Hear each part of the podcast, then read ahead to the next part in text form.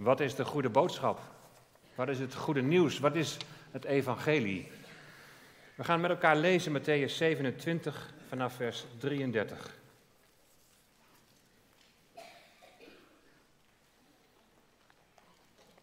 Matthäus 27 vanaf vers 33.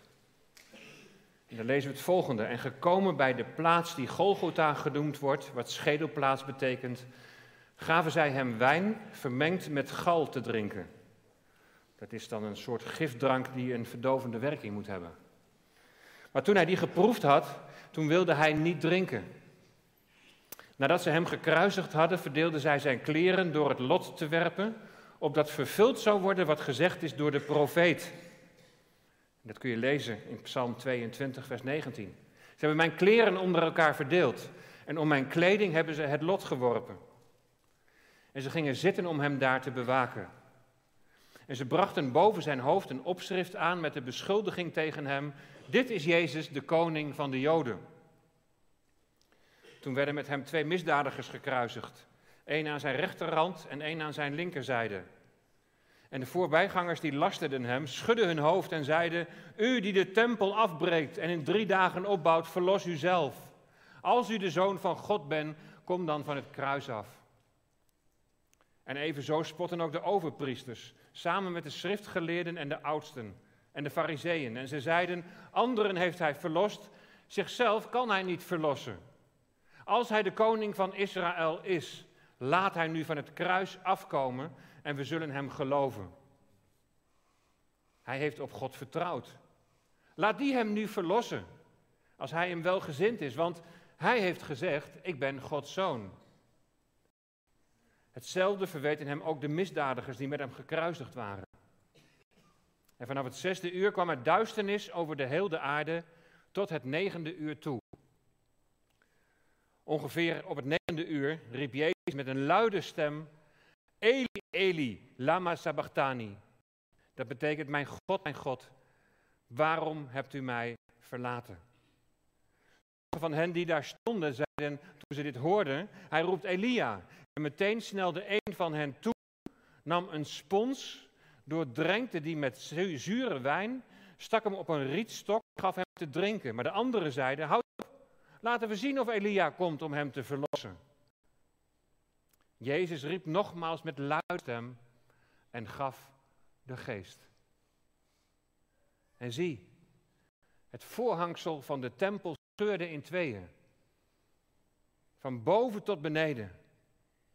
De aarde beefde en de rotsen schudden. Ook werden de graven geopend. En veel lichamen van heiligen die ontslapen waren, werden opgewekt. En na zijn opwekking gingen ze uit de graven, kwamen in de heilige stad en zijn aan velen verschenen. En toen de hoofdman over honderd en zij die met hem Jezus bewaakten de aardbeving zagen en de dingen die gebeurden, werden zij erg bevreesd en zeiden werkelijk, dit was Gods zoon. de tweede schriftlezing is uit het Oude Testament, uit Exodus, hoofdstuk 12, vers 1 tot en met 5.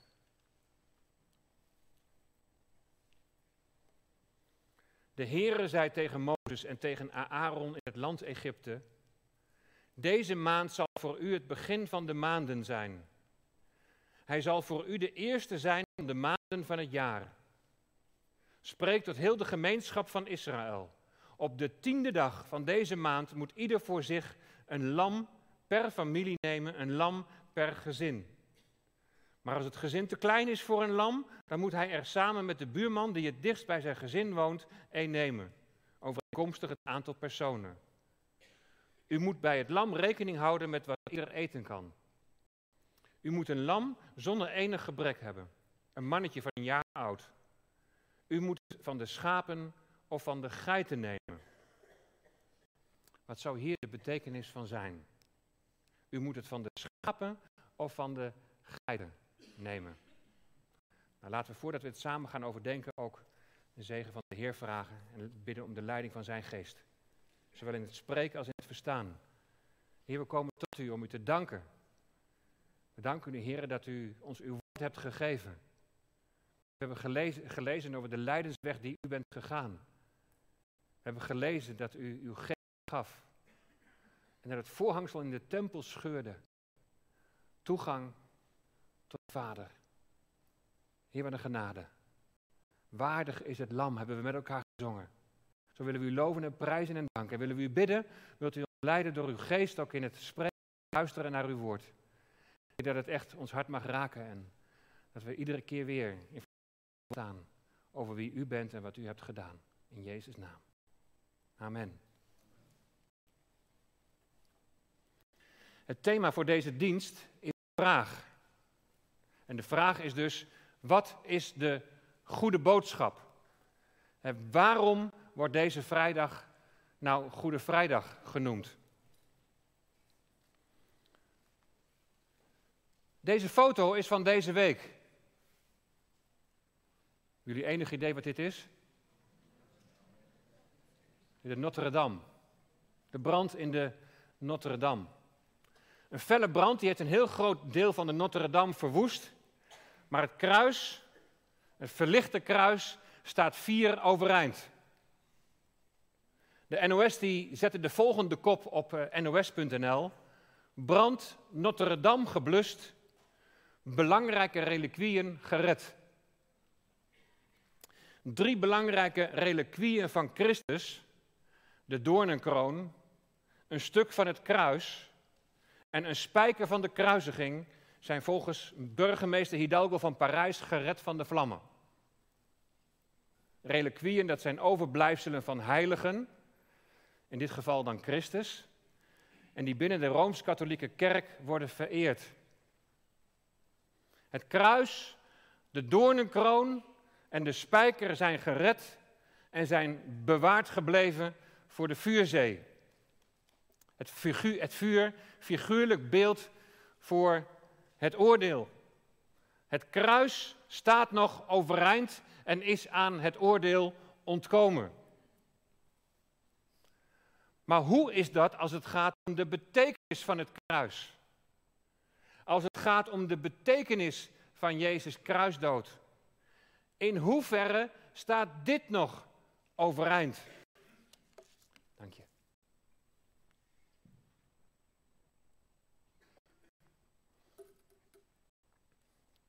Als ongelovigen, bijvoorbeeld betrokken bij de Passion, de diepe betekenis van Jezus kruisdood niet begrijpen of niet willen erkennen, dan verbaast ons dat niet. Er zijn mensen die niet geloven. In hoeverre staat de betekenis, de volle betekenis van Jezus kruisdood nog overeind in de kerk, in de gemeente van de Heer Jezus Christus? Als je naar kerkelijk Nederland kijkt, dan zie je een grote mate van pluriformiteit. De term pluriformiteit, dat is meer de positieve nadering van het feit dat er vele kerken en gemeenten en denominaties zijn, hoe ook maar wilt noemen, die allemaal hun eigen kleur en allemaal hun eigen accenten hebben. En de een die legt de nadruk op dit en de ander legt de nadruk op dat. En als je het heel positief benadert, dan zeg je, nou allemaal zien we iets van die veelkleurige wijsheid van God. En we kunnen dat mooi en kunnen elkaar daar mooi in aanvullen. Maar is dat niet een beetje naïef? Ik denk het wel. De praktijk vandaag de dag is dat er grote verdeeldheid is binnen de kerken in Nederland. En dat is dan meer de negatieve, maar ik denk wel een reële benadering. En we vullen elkaar niet aan, maar we sluiten elkaar veel eerder uit. Door ieder zo onze eigen accenten te benadrukken. En dat gebeurt niet alleen tussen gemeenten, maar we zien het ook gebeuren binnen gemeenten. En dit kan zomaar de onderlinge eenheid, die, die in de dienst van brood en beker wordt benadrukt, zou dat zomaar onder druk kunnen zetten. Maar zeggen we dan, we kunnen verschillen van mening over bijzaken. Maar wat de hoofd betreft, Jezus Christus en die gekruisigd, de opgestane Heer, erkennen we elkaar broeders en zusters. Dat is nog maar de vraag. Gaan we echt zo respectvol met elkaar om? Of is het in veel gevallen toch wij en zij? En zijn de bijzaken toch reden voor wederzijdse verkettering? Mag je dan geen duidelijke uitgangspunten, geen duidelijke standpunten meer hebben? Natuurlijk wel. Soms wordt een standpunt als heel eenzijdig bestempeld, maar het gewoon meer recht aan de uitleg van de schrift. Ik bedoel dus zeker niet dat iedereen wel een beetje gelijk zal hebben en dat de waarheid ergens in het midden zal liggen. Je mag zeker duidelijke standpunten hebben, maar er zijn voorgangers die hebben het kruis neergehaald. Er zijn voorgangers die iedere zondag, net als hier op zo'n podium staan en die de opstanding van de Heer Jezus Christus verlogen. Er zijn echter ook situaties denkbaar, doordat het benadrukken van een bepaald aspect, hoe waar dat aspect ook kan zijn, waar het woord geen recht meer wordt gedaan. En daar wil ik vanavond op ingaan als het gaat om de kruisdood van de Heer Jezus. Staat het kruis nog vier overeind?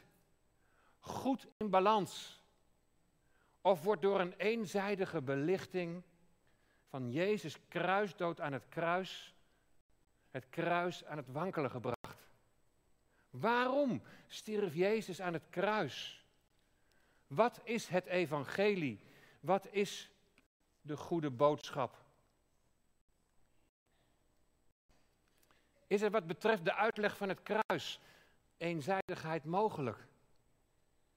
Zoals jullie zien is het kruis hier in de zaal weer zichtbaar.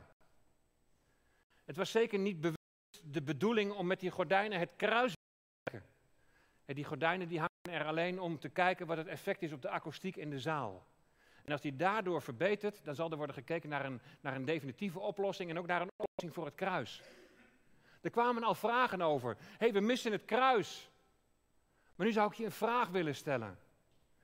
Waarom is het kruis voor jou zo belangrijk? Waarom is het kruis volgens jou zo belangrijk? Is er wat betreft de uitleg van het kruis eenzijdigheid mogelijk? In Koppen, daar is een symposium geweest naar aanleiding van het boek, dat zie je daar ook op, eh, op het scherm. Naar aanleiding van het boek van Reinier Zonneveld en het heet Het Vergeten Evangelie. En hij breekt een lans voor het verstaan van het evangelie volgens het Christus Victor staat voor overwinnaar. Victory is immers overwinning. Het Christus Victor, het Christus overwinnaar model. De overwinning van Christus aan het kruis over de zonde, het kwaad de Satan is volgens hem niet alleen het hart van het evangelie, maar het ene evangelie. En over die overwinning kun je inderdaad lezen in Colossense 2, vers 15. God heeft de overheden en de machten ontwapend en die openlijk te schande gemaakt en daardoor over hen getriomfeerd.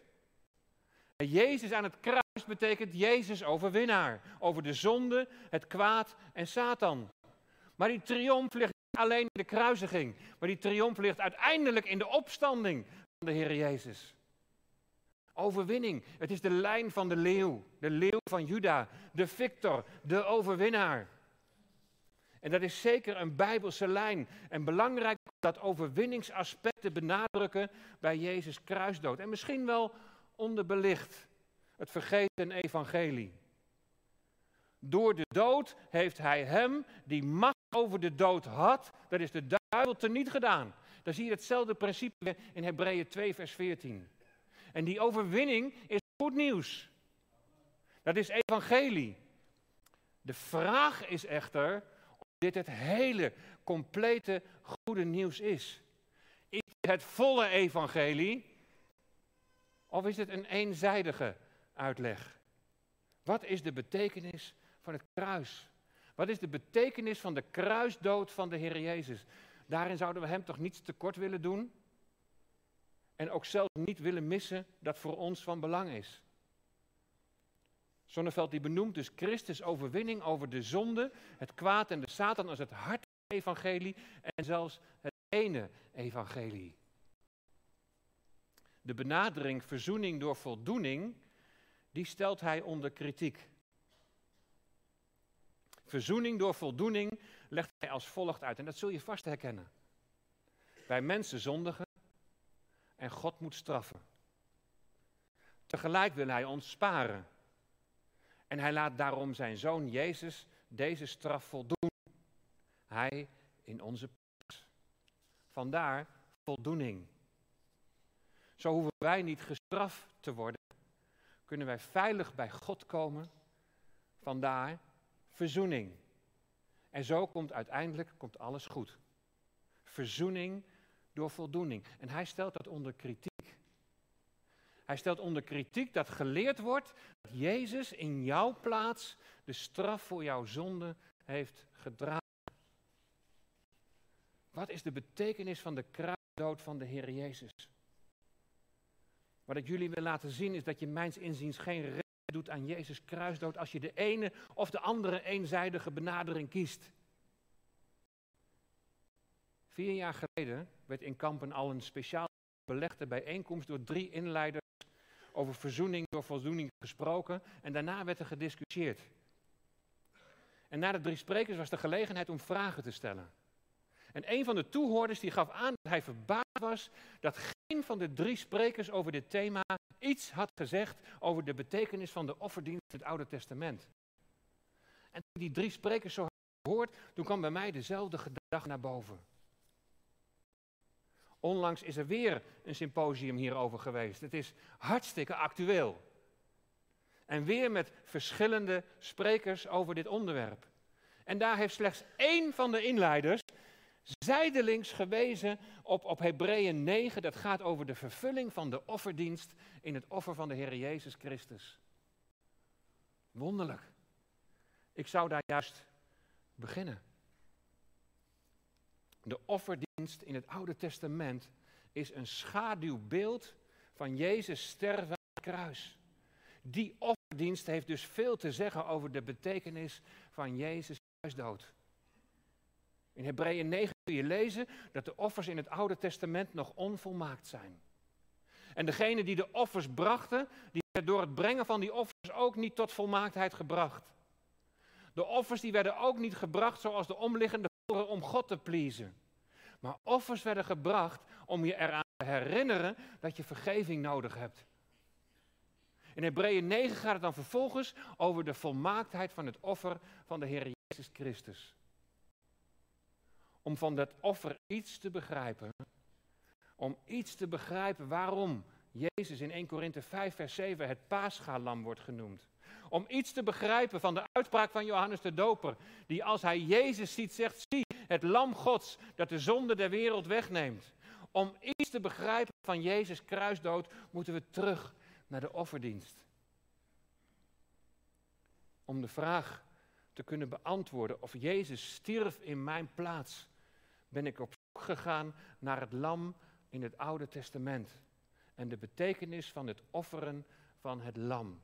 Waardig is het lam, hebben we gezongen. En omdat Jezus het paaschalam wordt genoemd, ben ik allereerst teruggegaan naar de instelling van het paascha. En die instelling van het paascha staat in relatie tot de uittocht uit Egypte. Het volk is in slavernij in Egypte. Heer heeft door negen plagen aan Farao laten zien wie hij is. Hij heeft hem gesommeerd om zijn volk te laten gaan. De farao weigert echter. En dan komt de tiende en de laatste. De engel van het verderf zal door Egypte gaan. En alle eerstgeborenen van mensen zullen door hem omkomen. Ook de eerstgeborenen van Israël lopen het gevaar gedood te worden door de verderfengel. Maar de Heer die wijst in zijn grote genade een weg tot verlossing. Per huisgezin moeten ze een lam in huis nemen.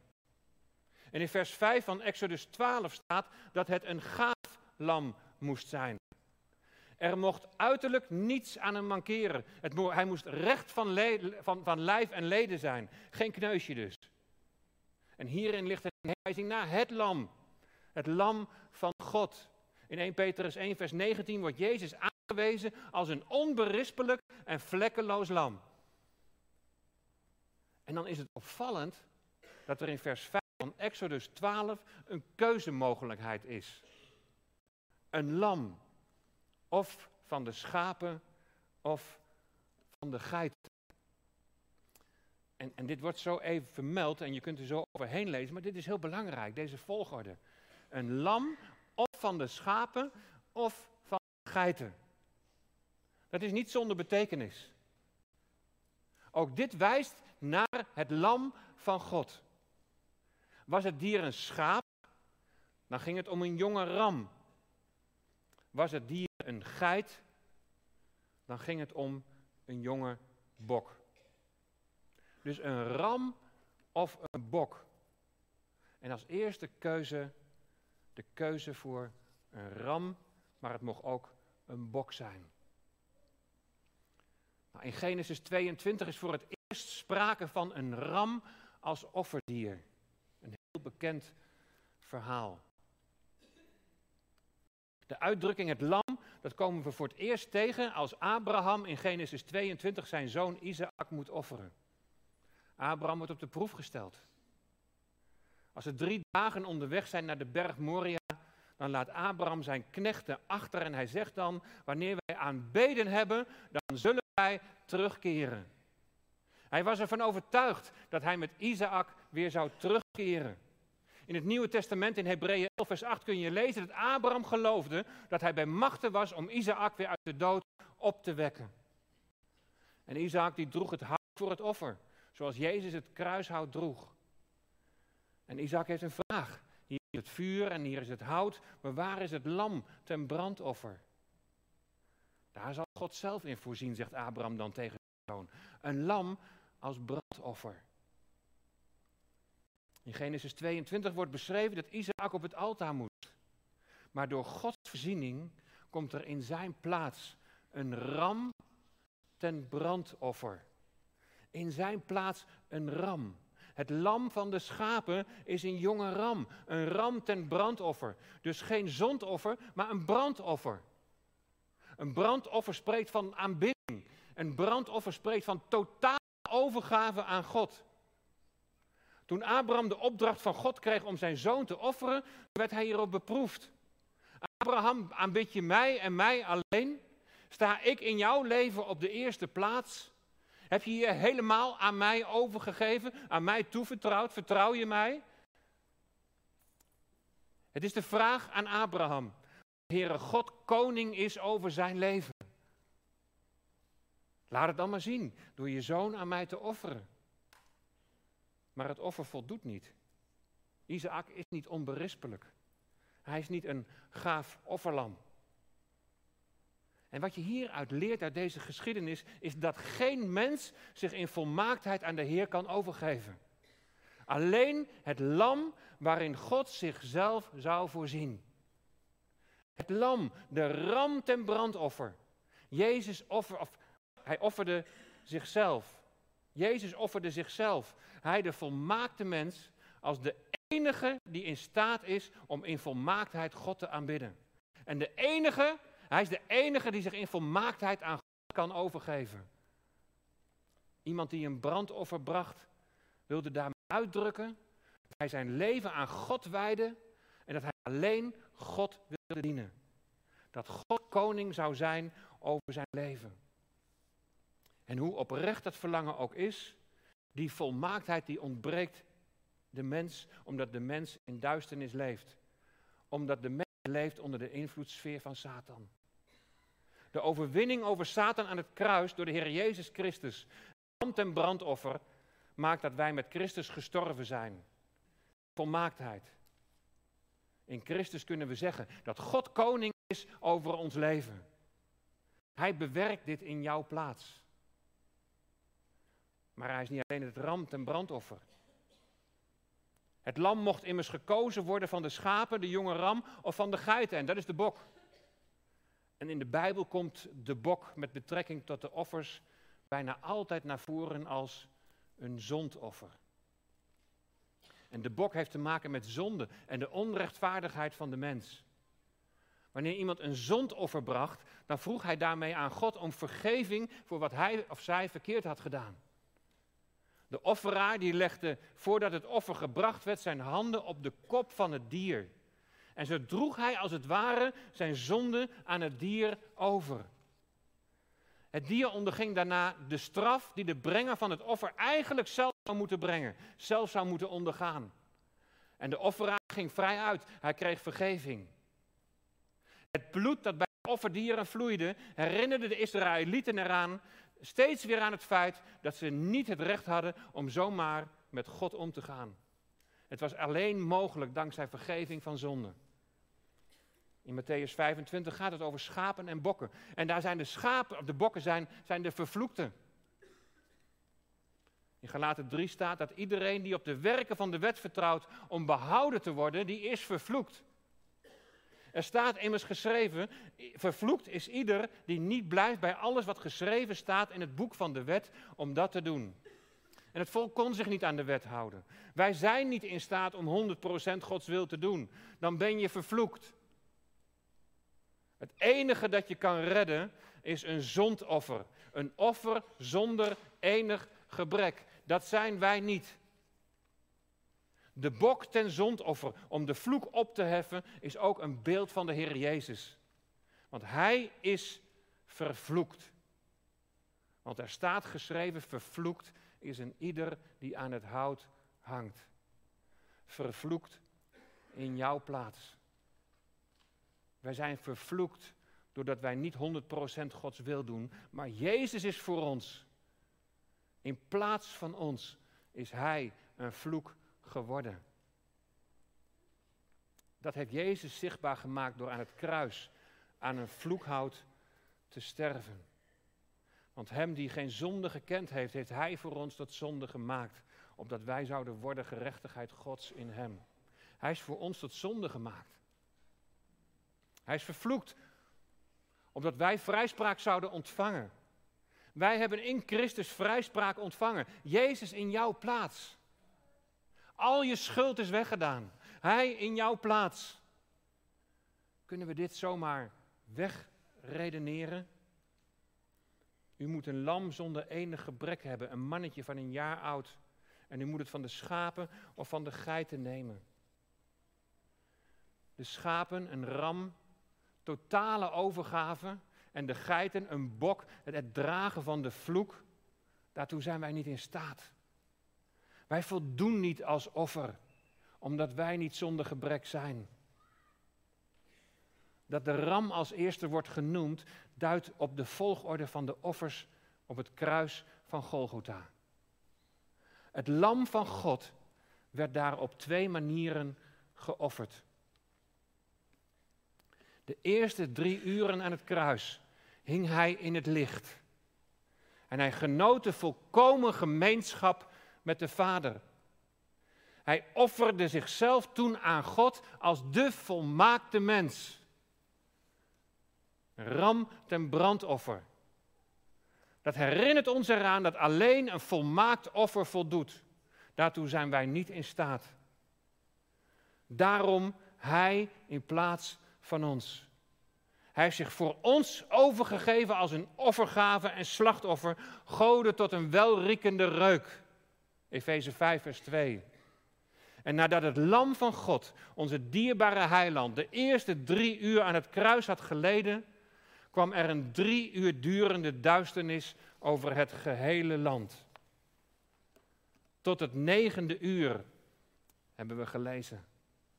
Aan het einde daarvan roept de Heer Jezus, mijn God, mijn God, waarom hebt u mij verlaten? In die duistere periode hing de heiland als, aan het kruis als de zondebok.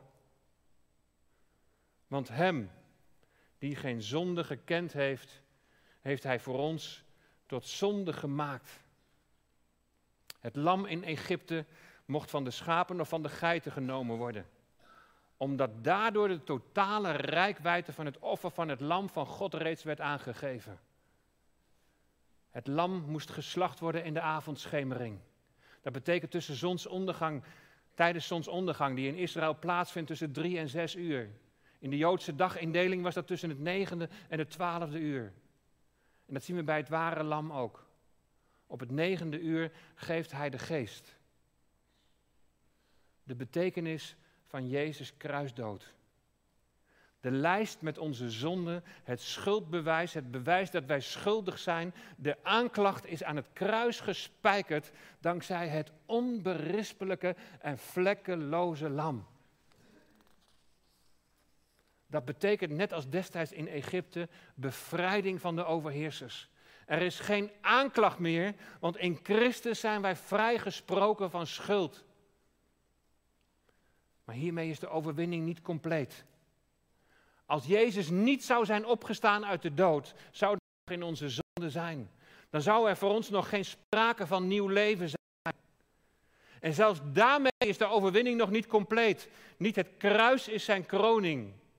Maar toen Jezus is opgevaren naar de hemel en met zijn bloed verzoening bracht voor ons in het binnenste heiligdom, toen is hij met eer en met heerlijkheid gekroond.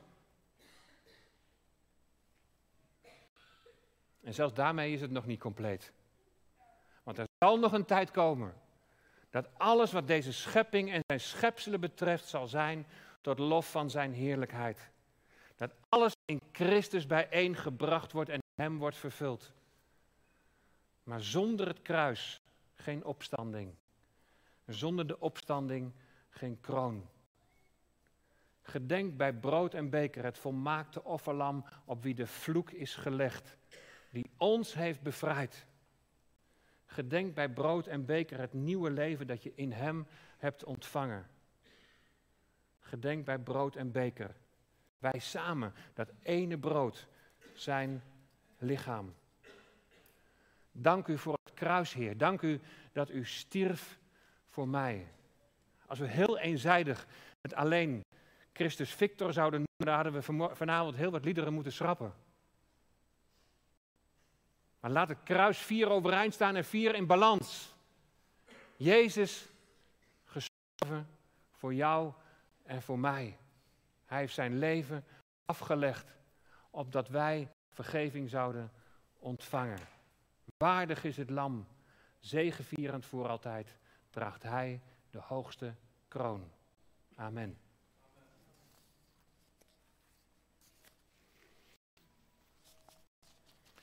We gaan in uh, voorbereiding op het avondmaal nog een lied met elkaar zingen. Volgens mij is het een nieuw lied. Tenminste, voor, voor, mij wel, maar... Nou, ik denk dat je hem zo meezingt. Oké. Hij is uh, gekozen vanwege de tekst als voorbereiding op het avondmaal.